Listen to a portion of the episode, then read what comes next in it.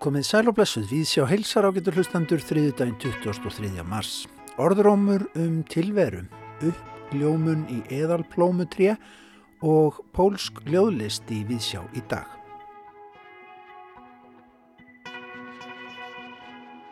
Pólska ljóðskáldið Adam Sakajewski andaðist í borginni Kraká í Pólandi á sunnudag 75 ára gammal Sakajevski var eh, eitt fremsta, frægasta og um, virtasta ljóðskáld pólverja á síðari árum og um, þá er mikið sagt fættur í borginni Lvov árið 1945. Við tölum um Adam Sakajevski í Víðsjá í dag. Við breyðum okkur líka niður í Hverfisgalleri og ræðum þar við myndlistakonuna Kláttíu Hásfeld. Hún er í verkum sínum eiginlega að framkalla með ýmsum hætti þó ekki alltaf ljósmyndir. Hún segir okkur frá síningu sem hún kallar Rumors of Being og hún opnaði þar í hverfisgalleri um síðustu helgi. Og bókvíkunar hér á ráseitt að þessu sinni er skáltsagan uppljómun í eðalplómu trénu eftir íranska rittuhundin Shoko Fe Azar. Hlustendur heyra í þýðanda bókarinnar Elisu Björgu Þorsteinsdóttur í Víðsjá í dag. Þetta er bók sem að tilnæmt var til alþjóðlegu búkervelunanna á síðasta ári og hún kemur út hjá bókaforlæginu Angustúru. Við byrjum að gefnu tilöfni í Pólandi.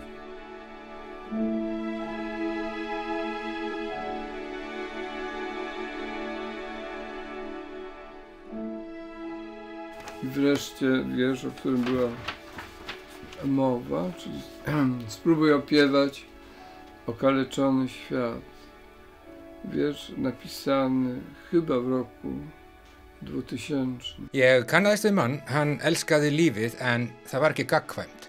Ef eitthvað kemur okkur úr jafnvægi það er ekkert sem gerir það, þá er það tómleiki, síndu okkur miskun tími, síndu okkur miskun eðilegging, jú, líf mitt var stutt. Spróbuj opiewać okaleczony świat.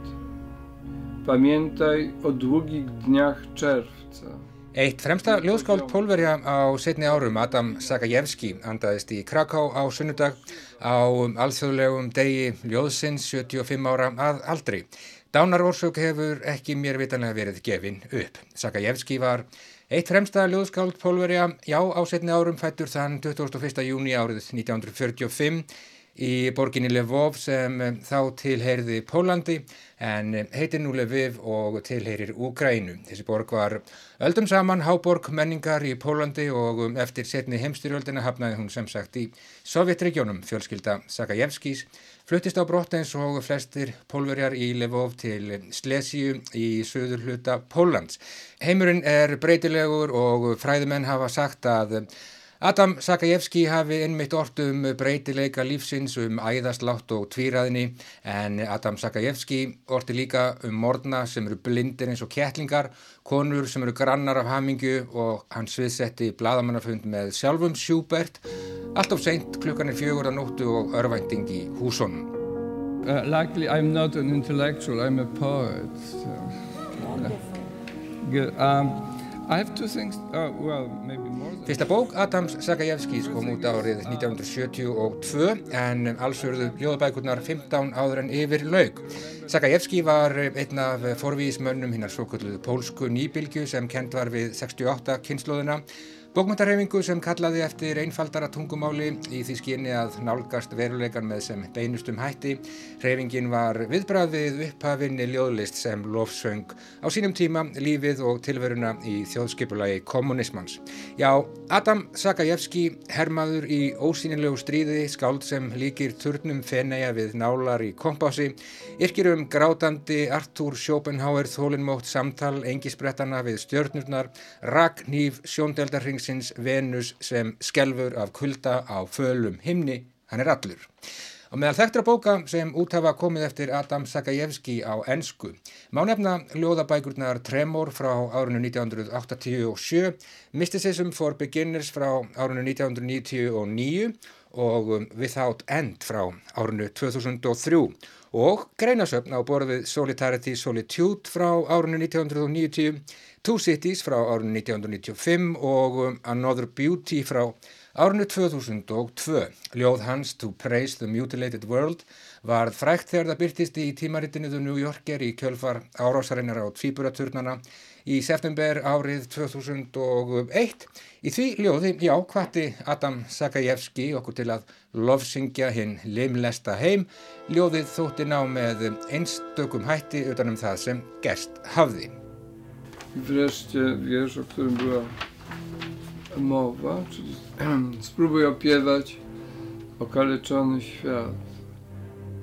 Það hefur verið sagt um Adam Sakajevski að hann yrki meðal annars um þær hættur sem að andlegu lífi okkar stæðjar hér og nú á tímum þegar við höfum úr allt of miklum upplýsingum að móða, fæstar skipta okkur nokkru máli.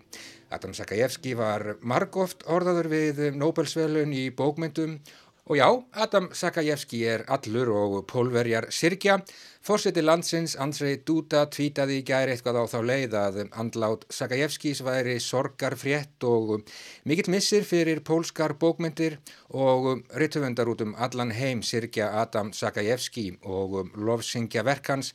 Bandaríska ljóðskáldið og púlitservelunahafinn Jory Graham tvítaði kæri förumadur og rödd allra alda Við munum ekki hætta að hlusta á þig, þú verður alltaf hér. Pólski Nobelsvöldarhöfundurinn Olga Tokarczuk myndist uh, Sakajevski sem frábærs kennara og uh, sjálfur Salman Rushdie let hafa eftir sér í gær kvildu skáld verk þín munu lifa. Já, ljóðlist Sakajevskis, hún heitlaði marga bandaríska ljóðskáldið. Mari Oliver skrifaði eitt sinn að Adam Sakajevski væri einfallega eitt mikilvægasta skáld vorra tíma.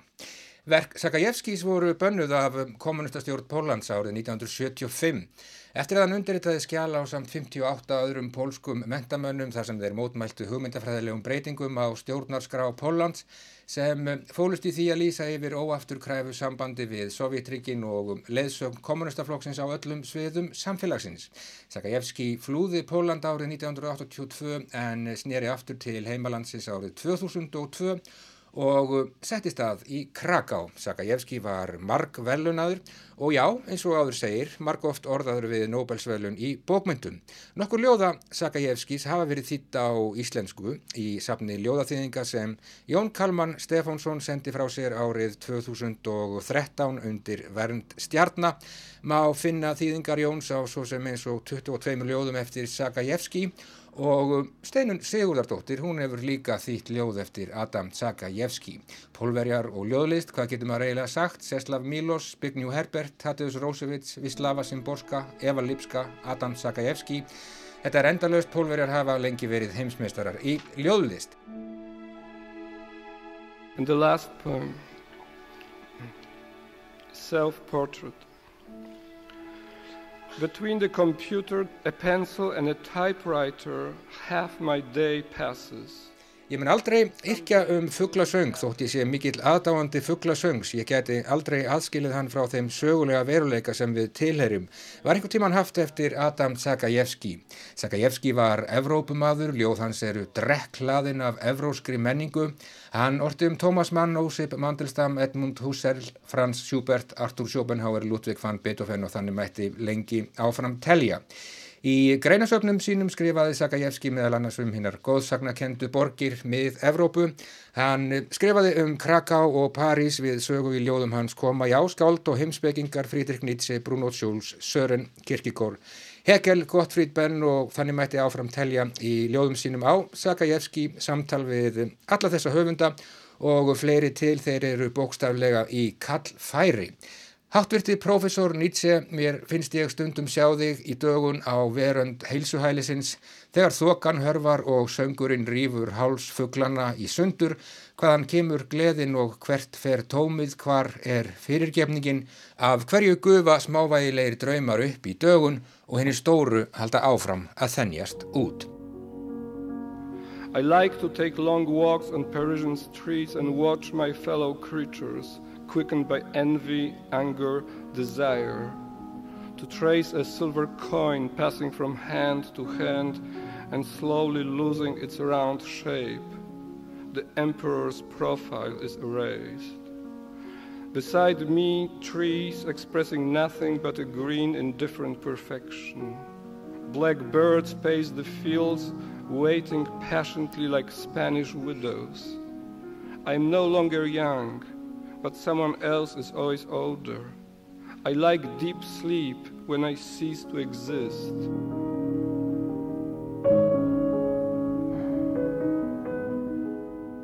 Hvers vegna er mann geskan banvæn, hvers vegna blinda yfirbörðir, spyr Sakajevski í einu ljóða sinna í íslenskri þýðingu Jóns Kalmans Stefánssonar, ljóði sem fjallar um Frans Schubert.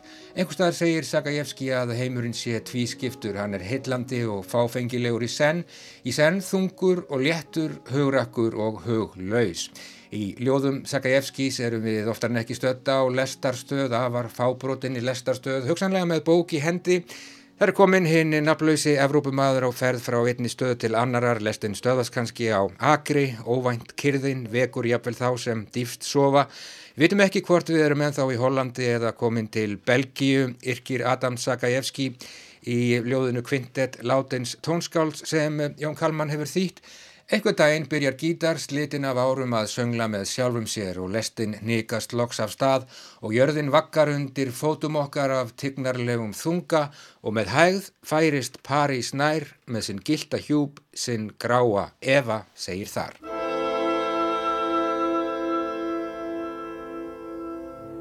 Ég kannast við mann, hann elskaði lífið en það var ekki gagkvæmt ef eitthvað kemur okkur úr jafnvægi það er ekkert sem gerir það, þá er það tómleiki. Sýndu okkur miskun tími, sýndu okkur miskun eðilegging, jú, líf mitt var stutt. Adam Sakajevski, allur hann andaðist í Kraká á sunnudag á alþjóðlegum degi ljóðsins 75 ára gamall. Og já, hann var ansi gott skáld, sýndu okkur miskun tími, sýndu okkur miskun eðilegging og svo framvegis. Sometimes in museums the paintings speak to me and irony suddenly vanishes. I love gazing at my wife's face. Every Sunday I call my father. Every other week I meet with friends, thus proving my fidelity. My country freed itself from one evil. I wish another liberation would follow. Could I help in this? I don't know. I'm truly not a child of the ocean, as Antonio Machado wrote about himself, but a child of air, mint, and cello, and not all the ways of the high world cross paths with the life that so far belongs to me. Thank you.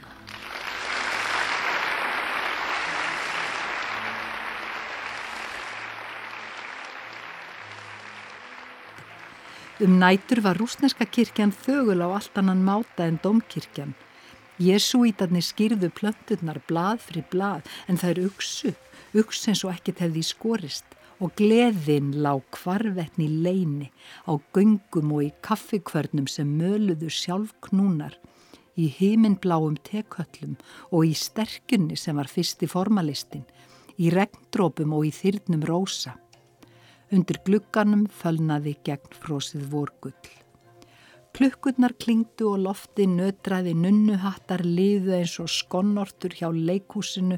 Veröldin var svo mikil að það var það klappa upp ótal sinnum. Áhörvendu trilltust í salnum og neituð að fara. Móður sýstur mínar vissi ekki þá að ég myndi reysaður frá dauðum eitt góðan veðurdag og livðu í þvíliku trúnaðartrösti, þvíliku einlífi vinnukonurnar, þvegnar og stroknar hlupu eftir nýjum rjóma, á heimilónum ríkti væg illkýrni og glæstar vonir. Brosovski kom í fyrirlestraferð. Eitt móðubræðra minna var stöðut að yrkja ljóð sem hétt Hvers vegna tilengað almættinu. Og það var of mikið af Lvov.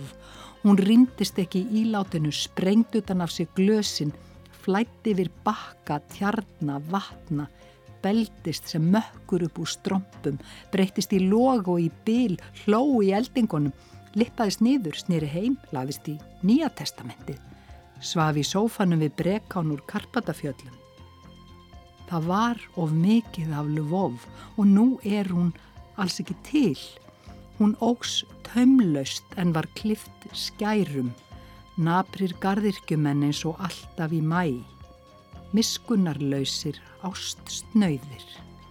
Óbýðum, bráðum kemur heitur júni og mjúkir burknar, endalaus breyða sumars eða veruleika. En skærin kliftu eftir línun og gegnum klæðið, skrattarar, gardirkjumenn, riðskoðarar, sneittu bólinn og blómsvegana, ódrepandi sögs, keftust við eins og í dúkulísubók hjá barni, þar sem á að klipp út dátýr eða svan. Skæri vasanhífar og rakvilablöð ristu klift og skáru út blásinn klæði, preláta og torka og húsaþyrpinga. Trén fjallu hljóðlaust eins og í frumskói og domkirkja nötrað og fólk kvattist í dögun, þurrum, vörum, vasaklútslaust. Táraðist ekki, ég sé þig aldrei framar. Markvaldur döiði býður þín, hvers vegna þurfa allar borgir að verða Jérúsalem og sér hver maður gýðingur og nú er að taka pjöngur sínar í flíti alltaf á hverjum degi og ferðast móður, ferðast til Lvov, hún er nefnilega til, hljóð og skær eins og ferskja, Lvov er allstaðar.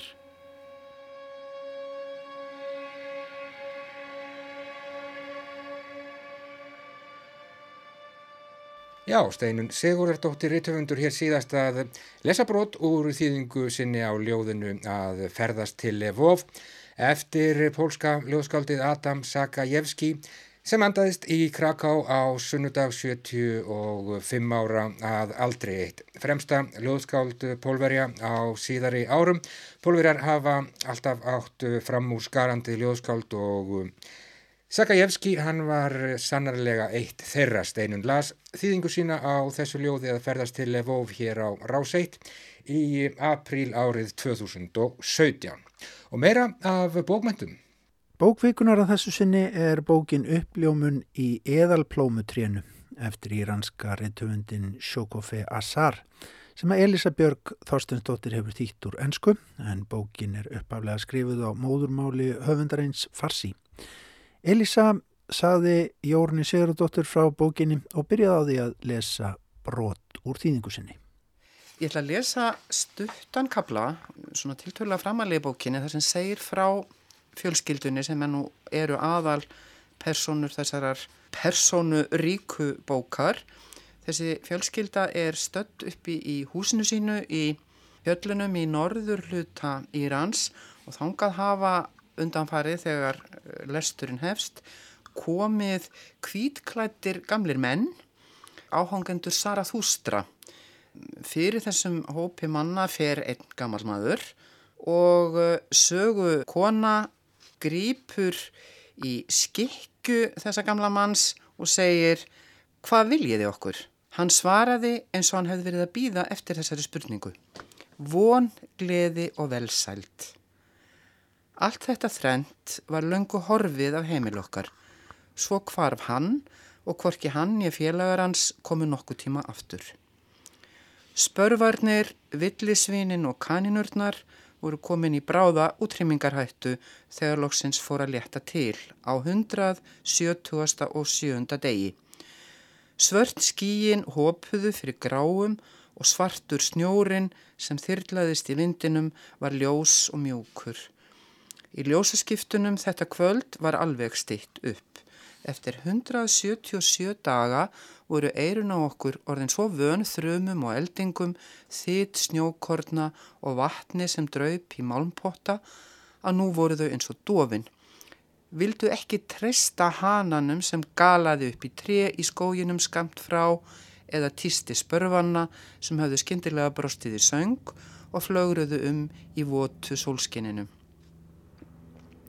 En svo fyrsta degi sköpunarinnar var lofti tært og létt. Þorpsbúarnir hlup út í gardin, hrópand og kallandi, pör, dönsuðu og ring snerust í tjaka sama. Engin gatt þó snúið til síns heima í Rasan. Fannfergið var slikt að hvergi sást í jörðu. En beigð fólkið. Mánuði síðar var jörðin komin í ljós á ný undan þykri snjóbreyðunni en nú var hún gríðarstórt svart fen sem umlugti hæðin okkar algerlega og hafði gleift allt. En beigð fólkið. Í þetta sinn fór hópur manna sér hvern dag í 20 daga af hæðinni niður í dalin til að kanna jarðvegin sem sólinn hafði skinið á af öllum mætti. Loks þegar áinn var snúin aftur í sinn gamla farveg, þegar litur var komin á trén á ný, þegar náttúran hafði skilað mönnum aftur undir gullinni sólsinni, öllu því sem svarti snjórin hafði tekið af þeim og aftur var und að treysta jörðinni undir fótum sér, þá tóku karlarnir í hendur kvennasinna og barna og lögðu af stað niður í dalin með síðustu potta sína og pönnur til að hefja lífið á nýjan leik. Ekki eitt einasta þeirra þakkað okkur, þannig er það bara. Þau gefa gafir sínar sem eitt og þannig taka þau líka. Alveg eins og jörðin, eins og vatnið, eins og loftið. Smám saman komu hænsnin með skrittnu ungana sína og kýr og kindur með nýborin afkvæmi sín út úr skójinum og heldu úr fjöllunum niður til Rasan. Hægt og hægt eitti sólinn sortanum og plönturnar endurhemtu grænan litsinn. Ómar af flautuleik og söng og köll smalans bárust aftur með andvaranum upp í lundin okkar sér hvert síðdegi og síðustu leifarnar af eitruðum svörtum eimi jarðarinnar stigu upp til himna eins og vofur flökkukinn þáttar og runnu saman við skíin. Elisa Björg Þossensdóttir, þarna nú kemur ímislegt við sögu í þessum stuttakabla úr bókinni Uppljómun í eðalplómu trénu mm. eftir íransku skáldkonuna Sjókofi Assar og það er greinilegt að þetta er engin venjuleg saga. Svartur snjór, vofur, allar mm. ástíðir eh, í stuttum kabla mm. og greinilega frjálslega með raunveruleikan farið. Hvernig lýsir þú þessari bók? E, almennt og yfirleitt er þessi bók skilgrænt sem töfra raunsægisbók og það má vitaskuld til sannsvegar færa. Ég hef nú verið að lesa nokkur við tölvið höfundin og hún þrætir sannlega ekki fyrir það og vísar í 100 e, ára einsemt sem kemur fyrir í bókinni eins og margar fleiri bækur eins og ég taldi þær ekki en þær eru þó nokkrar og ég þekkti ekki allar. E, hún hefur líka verið skilgrænt sem mjög feminísk bók. Þegar hún var nýkomin út í Ástralíu að með minnir 2017 var sem sagt eh, skrifið á farsi sem er eh, persneska mm. og eh, var svo þýtt yfir á ennsku en nógum það, hún var sem sagt tilnæmt til stelluverlunana á strölsku sem eru hvenna bókmyndaverlun og hún er sem sagt spurðum fyrirmyndi sína til dæmis líka í sambandi við bæði Taurarönsæð og í feminískum bókmentum og þá segir hún að hún hefði nú ekkert kannski endilega lesið svo mikið af því hún minnist sérstaklega á einn uh, höfund uh, og segir hún hefur ekki verið þýtt yfir á farsi þannig ég hef ekki lesið hana.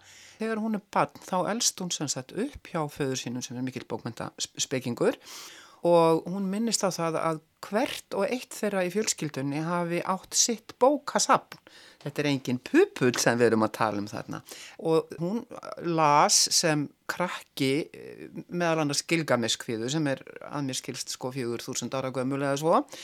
En eh, fyrir utan Garthia Marquez og íranskar þjóðsögur sem koma þarna náttúrulega mjög sterklega við sögu í þessari bók er hennar helsta fyrirmynd okkur mjög kunnuleg Lína Langsokkur.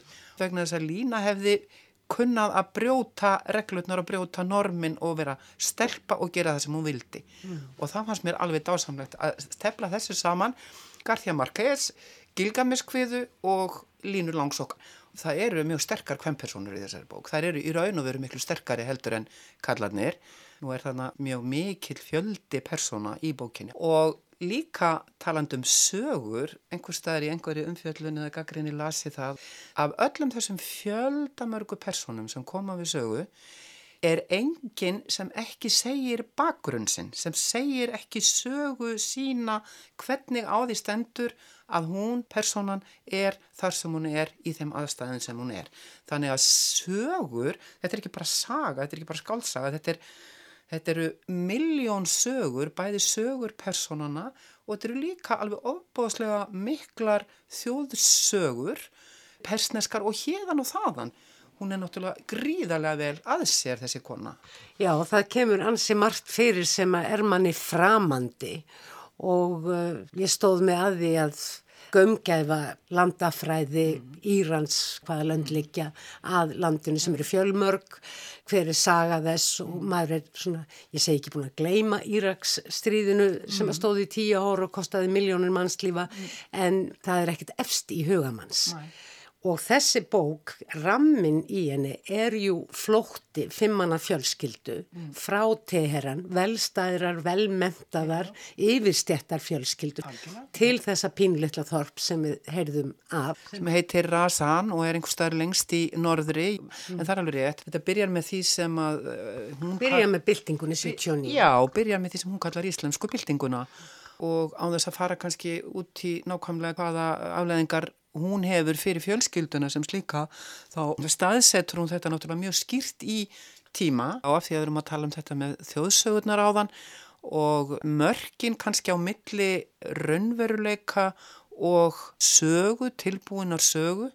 Skáldsögu, skáldsögu eða þjóðsögu, eitthvað sem verður til það, það kemur hérna til dæmis kapli einhverstaðar í bókinni þar sem að kallatnir er í rauninni reknir burt úr þorpinu.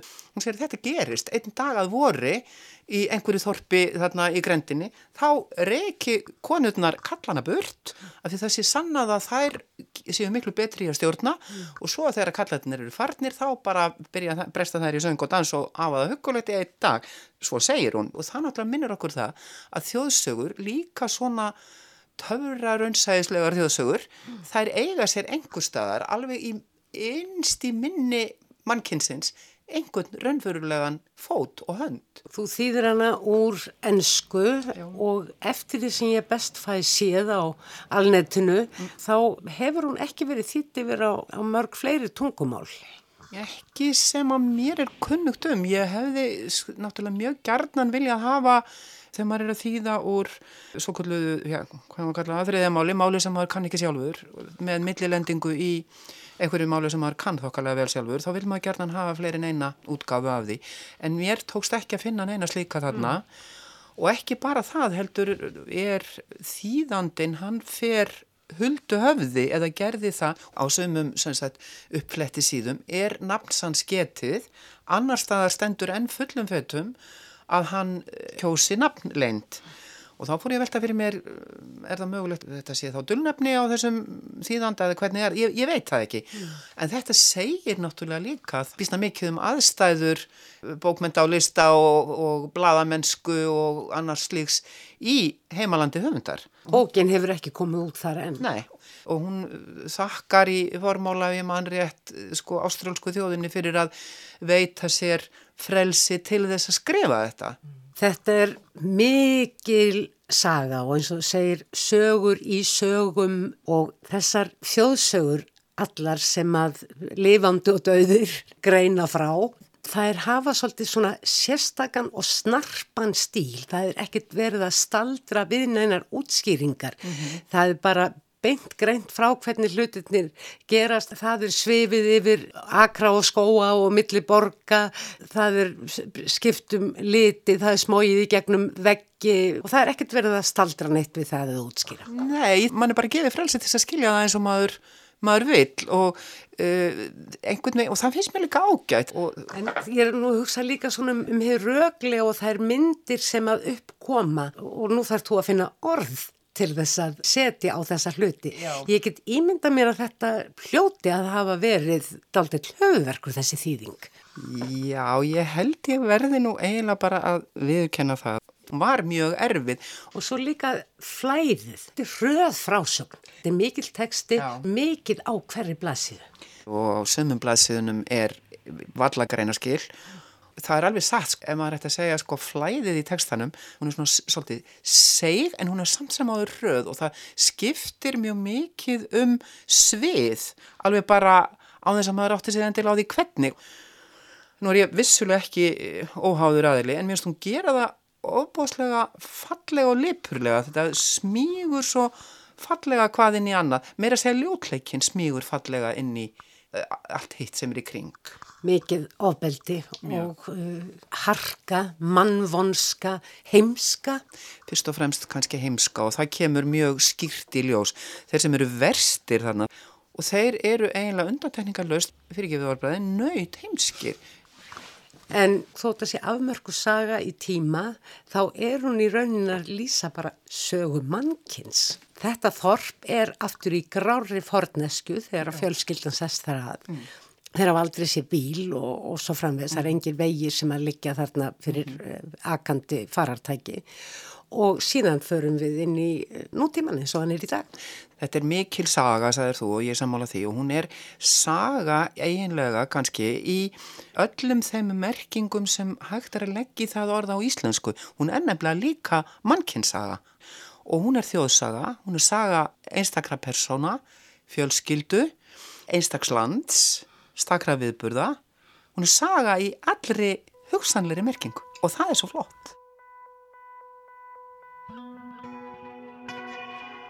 Já, við heyrðum þarna í Elísu Björgu Þorsteinsdóttur þýðanda skáldsögunar uppljómun í eðalplómu trénu eftir eh, íranska réttöfundin Sjókofe Assar sem er eh, bókvikunar hér á rásveitt að þessu sinni. Viðmælendur í þættinum bókvikunar á sunnudag verða þau Kristján Rapp Guðmundsson, bókmæntafræðingur, bladamadur og eh, höfundur smásagnasapsins Þrýr skilnaðir og jarðarför og Rebecca Sif Stefánsdóttir kennari í Rittlist við Háskóla Íslands, söngkona og höfundur ljóðabókarinnar Jarðvegur. Það er Jórun Siguradóttir sem hefur um sjón með þættinum á sunnudag. En þá fáum við smá tónlist hér í Vísjón því að í gerðkvöldi, seint að síðkvöldi, var mynd í sjónvarpunum heimildamind um hérna eilífu Maríu Callas. Marja Callas í hennar eigin orðum. Mynd sem að var fjallaðum hér í Víðsjá á dögunum, það gerði Halla Harðardóttir. Mér skilst að þessi mynd sé á leiðinni inn á veitur til þess að fólk fái notið þeir sem að mistu af síningunni í gerðkvældi en við skulum fá Marju Kallast til þess að syngja fyrir okkur hér um stund. Þetta er fræg arja úr óperunni Tosku eftir Giacomo Puccini, Vísi de Arte Ég hef lifað fyrir listina, ég hef lifað fyrir ástina, syngur Marja Callas.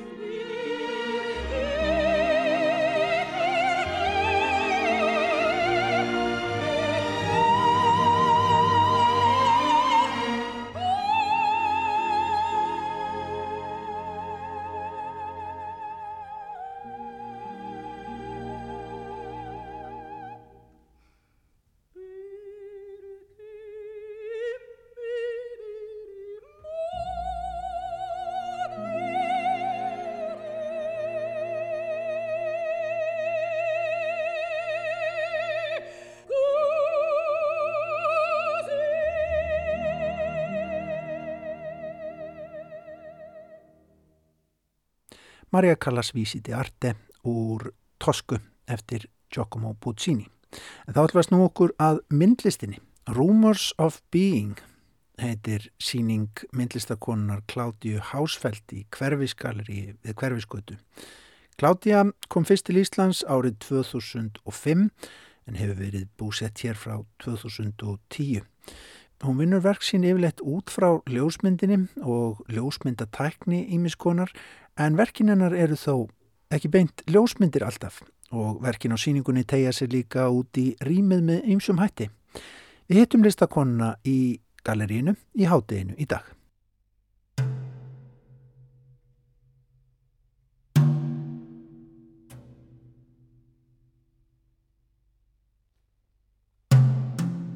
Sko Klátija, um, ég þekki myndina þínar, kannski aðalega stórar svona landslags ljósmyndir, oft svartkvítar, daldi drungarlegar stundum. Uh, þetta er kannski, þetta er kannski aðeins fjölbreyttara en maður hefur séð, eða ég þekki af þínu verkum. Hvernig hérna, hugsaður þessa síningu hérna?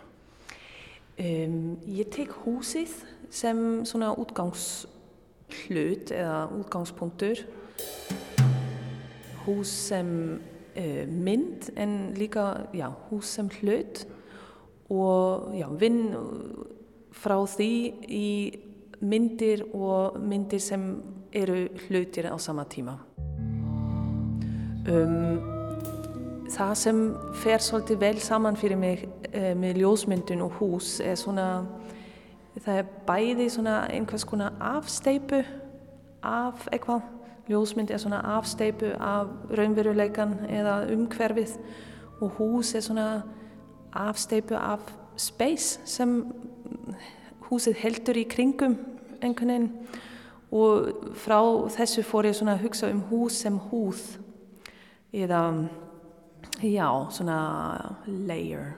Svona ytra lag okkar utan á. já, það er eins og líkamann nánast eða þú veist eitthvað eitthvað sem heldur á eitthvað, hús heldur á space eða tómleikin og, og fer svona í kringum það.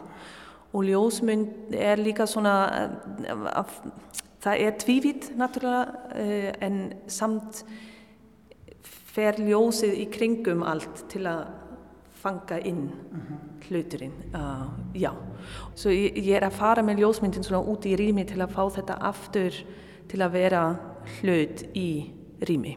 Um, og það er líka mjög mikilvægt fyrir mig að vinna með analóg uh, sem sagt svona myrkri herbyggis ljósmyndir að því þau eru raunverulegt hlut líka. Það er silfur sem vinnur með ljósinu og verður svart og, um, og þess vegna þetta er allt analóg eitthvað. Já, ekkert digitalt hérna.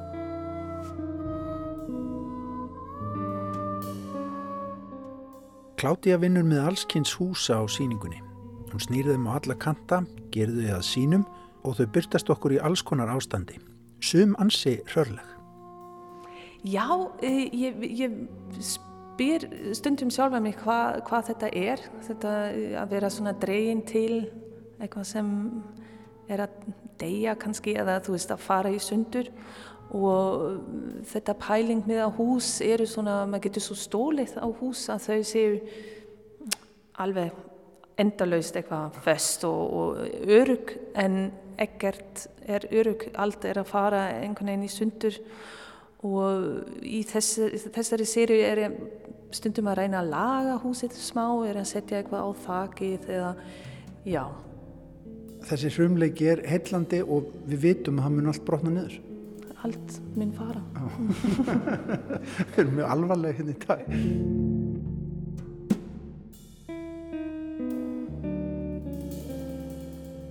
Verkin tegja sig af vegginum og út í rýmið, sitja á gólfinu, hanga neður úr lofti, til dæmis bláleitt verk, aftur hús, gert með gamalli ljósmyndaðaferð.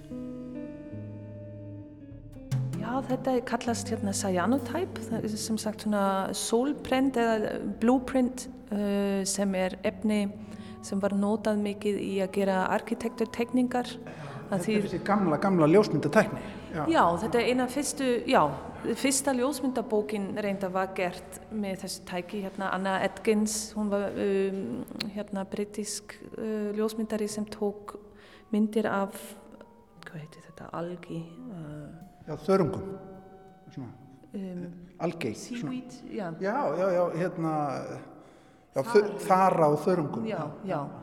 Hún fór sem sagt bara út með þessum blöðum sem veru, það var sett upp þetta vögva, þetta cyanotype vögva og, og myndaði bara þessi, þessi, þetta dóta á, á ströndunum og því það framkallast í sólinni. Svo það fer mjög hratt og mjög einfalt og maður þóð þetta bara í vatni og svo kemur myndin fram. Um, svo ég notaði það til að gera þennan print. Um, en líka tala smá við þennan hugmynd um þetta arkitekturtekningar sem eru alltaf eitthvað blátt pappir með svona kvítum línum um, en húsið verður svona húsið er líka hruna en samt líka verður svona til eitthvað nestuði dýr finnst mér, þetta er svona skep, skepni. Já, þetta er náttúrulega eins og fýll eða eitthvað. En sko, þú er búin að nefna tvent, þú er búin að nefna síantýpuna, þú er búin að nefna silfurprentið í svona þessari tæknilegu hlið og þú vilt vera í myrkraherbyggi sko ertu mikill hérna sko nördur að kemur að því að nota gömlu ljósmyndatæknina, sögu miðilsin sem þú ert að vinna með Ég held, uh, já, þetta með að vera í myrkriherbygginu og vinna, ferlið er mjög, mjög mikilvægt. Það fer allt, þetta er ekki neitt svona úthugsað fyrirfram, þetta kemur allt í ferlinu, uh, ég er kannski með eina svona hugmynd í hausnum og svo er ég að gera eitthvað bara með hendunum og með ljósi og, og dót og svo kemur þetta svona út. Um, og þetta er kannski ekki endilega gömul, það er bara um, allt annað en digital ljósmynd. Uh, þetta er eiginlega fyrir mig ekki sama efni lengur. Uh, þetta er nánast meira eins og tekning eða málverk um, að vinna svona því já, það er ekkert skjá, ekkert gler, það er bara efni.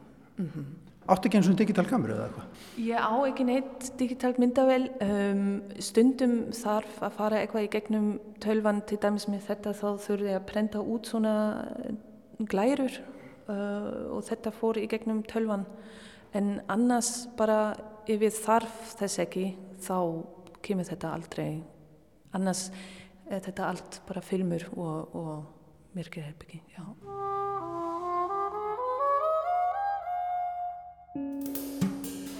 Hérna eru tvær myndir út í hotni sem þú bendir á uh, svona daldi eins og lag ofan á lag uh, hús inn í húsi sem einhvern veginn fellur inn í pínlítið draugalegt Já, þetta, þetta er hérna svona, hvað heitir þetta, sjálaskál? Nei, sjá, sjál, svona emergency hut. Já, já, svona fjallaskáli, neyðar, neyðarskil upp á, á Hállandinu.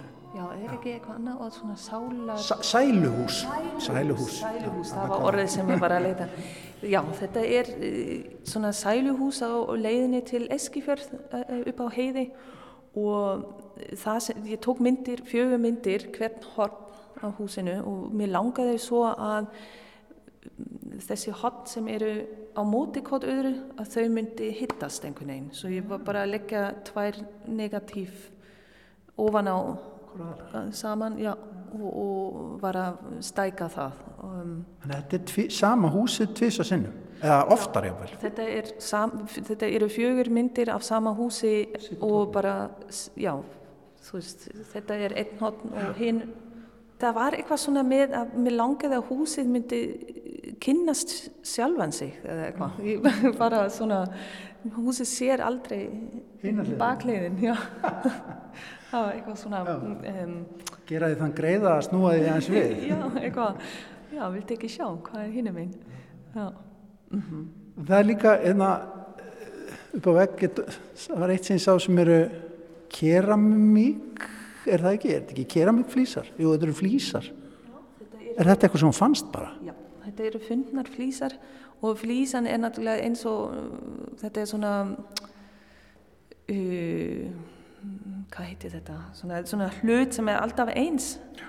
Um, nema þessi eru allt svona farin í sundu smá og glerungum fór af og hvert flýsa er um, einstak Það er verða allar einstakar og það er líka því að hérna, ég raka það af því að það er þessi grænblái litur sem að maður tengi strax hafinu og, mm -hmm. og hérna, landakortum jáfnvel mm -hmm. en þetta er alltaf eins og sérst að horfa á ísilaða strönd og svo, svo haf. Mm -hmm. en þetta er bara flýs Já, það er svona kort nánast. Já, já, ymmitt og baðherbyggi er líka þarna smá svona, þetta er svona typisk eitthvað svona baðherbyggis um, Litur. Litur, já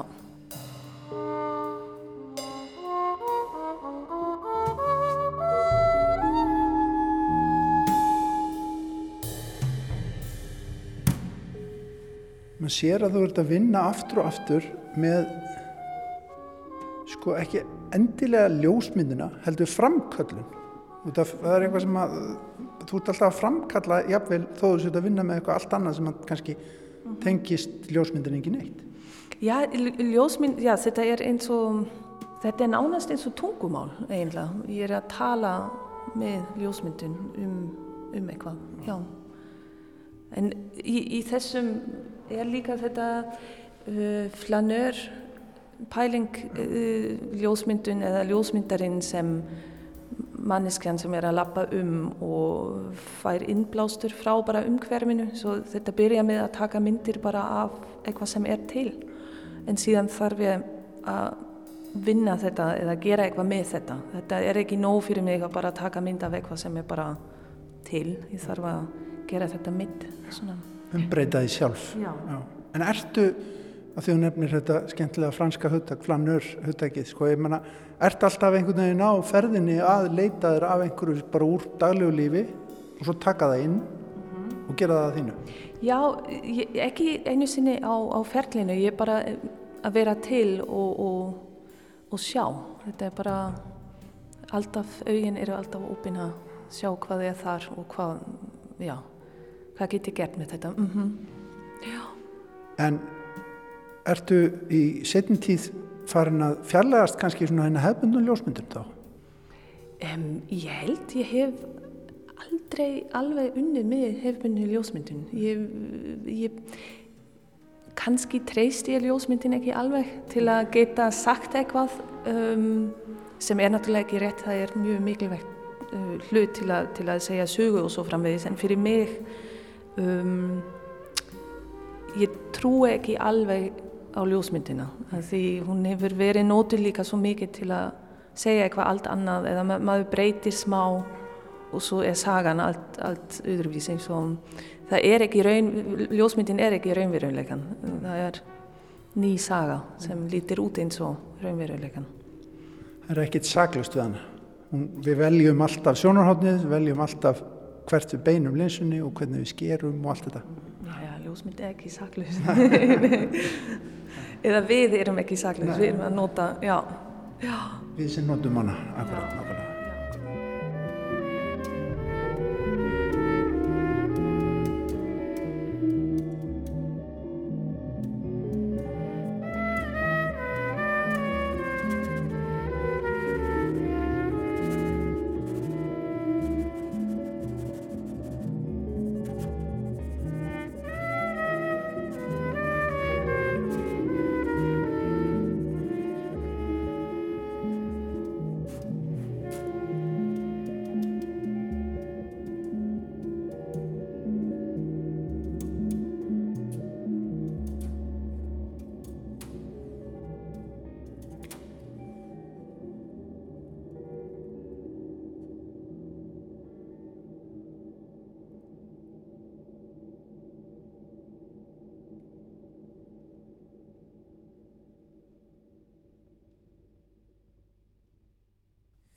Já, tónlist fyrir eh, svartar dúfur, Music for Black Pigeons af plötunni Uma Elmo með þeim félögum Jakob Bró, Arve Henriksen og Jorge Rossi á eftir spjallokkar við Kládju Hásfeld myndlistakonu sem er að sína verk sín í hverfisgalleri við hverfisgötu á síningu sem hún kallar Rumors of Being.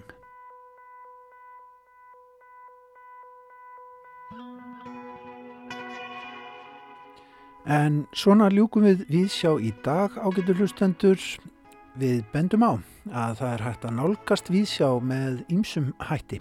Það er til dæmis hægt að hlusta á viðsjá með hjálp Spotify, bæði smáfóritsins og í gegnum netvafra. Svo er það auðvitað rúf spilarinn okkar góði á vefnum og eins smáfórit rúf og svo er þetta hlaða þættinum niður sem hlaðvarpi í gegnum hlaðvarpsveitur ímiskonar. Bara leita einfallega að viðsjá. En við verðum hér aftur á morgun á okkar venjulega tíma í dagskrár ásar 1 klukkan 16.05. Við þakkum ykkur samfélgin í dag og vonum að þið njóti síðdeisins og kvöldsins. Takk fyrir samfélgina. Verðið sæl.